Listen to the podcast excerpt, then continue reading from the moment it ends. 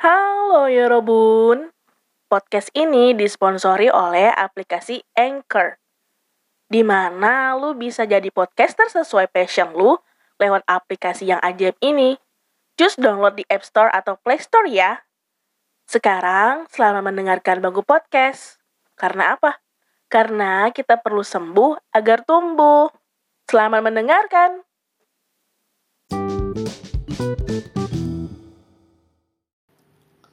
Sebagai penutup di akhir tahun yang penuh dengan plot twist kemarin, penuh juga dengan kejutan yang Mamma Mia itu, kalian pasti tahu kan sebuah cerita yang menutup akhir tahun 2022 dan cerita itu menjadi viral ke mana-mana.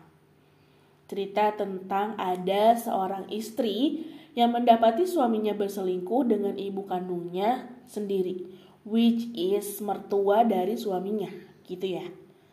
Saat itu gue bener-bener ngikutin banget kasusnya gimana hingga ada di YouTube-nya Bang Denny Sumargo. Cailah, abang gak tuh gue sebut. Ya pokoknya begitulah.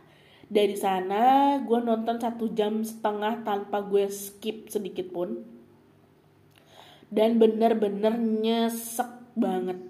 Nah yang pengen gue bahas di sini adalah komentar-komentar yang ada di video itu di mana ya biasalah ada pro dan kontra gitu ya.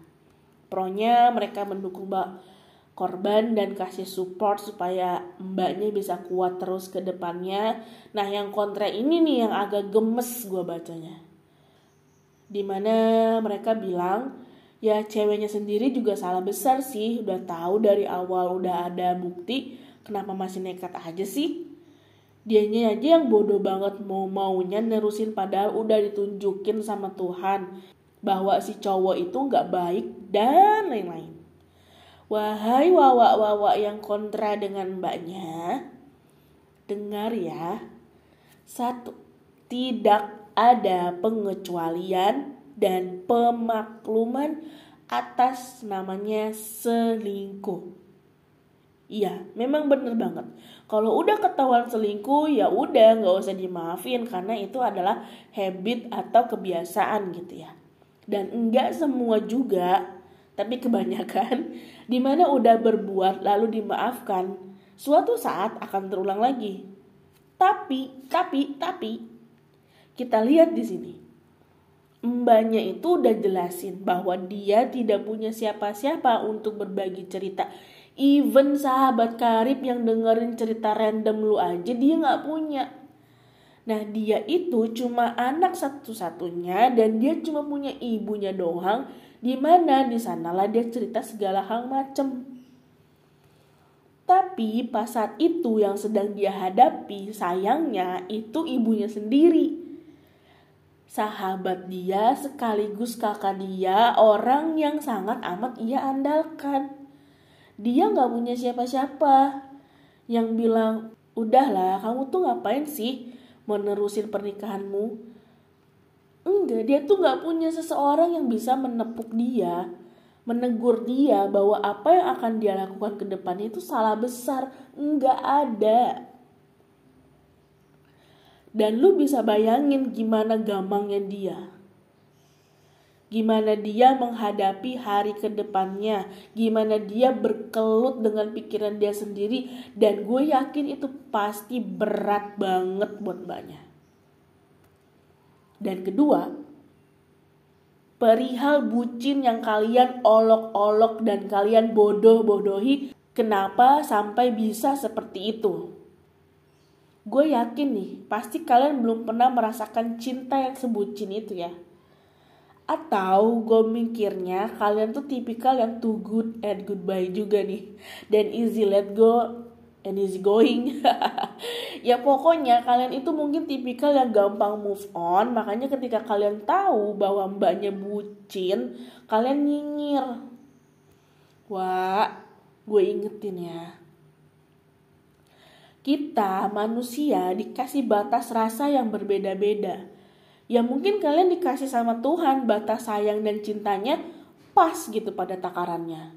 Jadi ketika tidak sesuai dengan takarannya, kalian bisa isi ulang lagi dan kalian bisa tampung lagi. Nah, tapi ingat Tuhan juga menciptakan manusia yang di mana dia tidak punya takaran rasa. Di mana ketika dia sedang merasakan jatuh cinta contohnya, dia ngerasa takarannya tuh gak berbatas. Sehingga membuat wadah yang ia punya tuh meluber-luber dan itu tuh gak pernah dipermasalahin sama dia gitu loh. Selama ia bahagia, selama ia merasa yang memang pantas untuk dia lakukan, ia bakal lakukan sampai ada yang bilang, "Hey, stop. Hey, ini kebanyakan, kamu kurangin dikit." Kalau nggak dia ngingetin, ya udah bablas gitu. Makanya orang-orang seperti mbaknya ini harusnya tuh dirangkul, dipeluk, divalidasi bahwa apa yang dia rasakan tuh memang benar dan gak salah. Bayangin aja lu kesepian, gak punya adik atau kakak yang bisa gangguin lu, yang bisa jadi tempat lu bersandar. Ada juga ya kayak gak ada misalnya kan. Dan lu juga punya ortu yang sibuk atau bahkan lu anak broken home. Dan ketika lu keluar di dunia luar sana lu ketemu sama seseorang yang bikin hari lu penuh semangat lagi, seseorang yang bikin lu lupa bahwa lu tuh sendirian, dan sama dia lu ngerasa hidup, ngerasa berguna, lu ngerasa berada di rumah yang tepat. Pasti lu bakal ngebayar mahal akan apa yang udah lu dapetin. Iya toh? Ya bayarnya dengan kesetiaan lu, dengan rasa cinta yang gak ada habisnya, dengan materi sekalipun lu sanggupin. Pokoknya lu bakal ngeluarin apa yang menurut lu worth it, tapi kalau kata orang itu bucin. Nah gitu, mbaknya ini ngerasanya dia kayak ya udah gue ikhlas ikhlas aja, rela-rela aja. Ketika seseorang tersebut mengkhianati dia juga dia ngerasa oh ya udah nggak apa-apa. Namanya juga manusia pernah berbuat salah. Nanti kalau aku nggak maafin dia, aku gimana? Hari aku ke depannya gimana? Aku kan udah terbiasa ada dia, aku nggak mau kesepian lagi ya udah deh aku maklumin gak apa-apa dia pasti akan berubah dan plus ditambah. Biasanya kalau salah satu tipikal ceweknya tuh kayak mbaknya pasangannya itu adalah tipikal yang manipulatif dan playing victim. Gaslighting semuanya. Satu lah. Kayak udah klop aja gitu kayak hitam putih bucin dan manipulatif. Makanya akan sulit gitu menyadarkannya.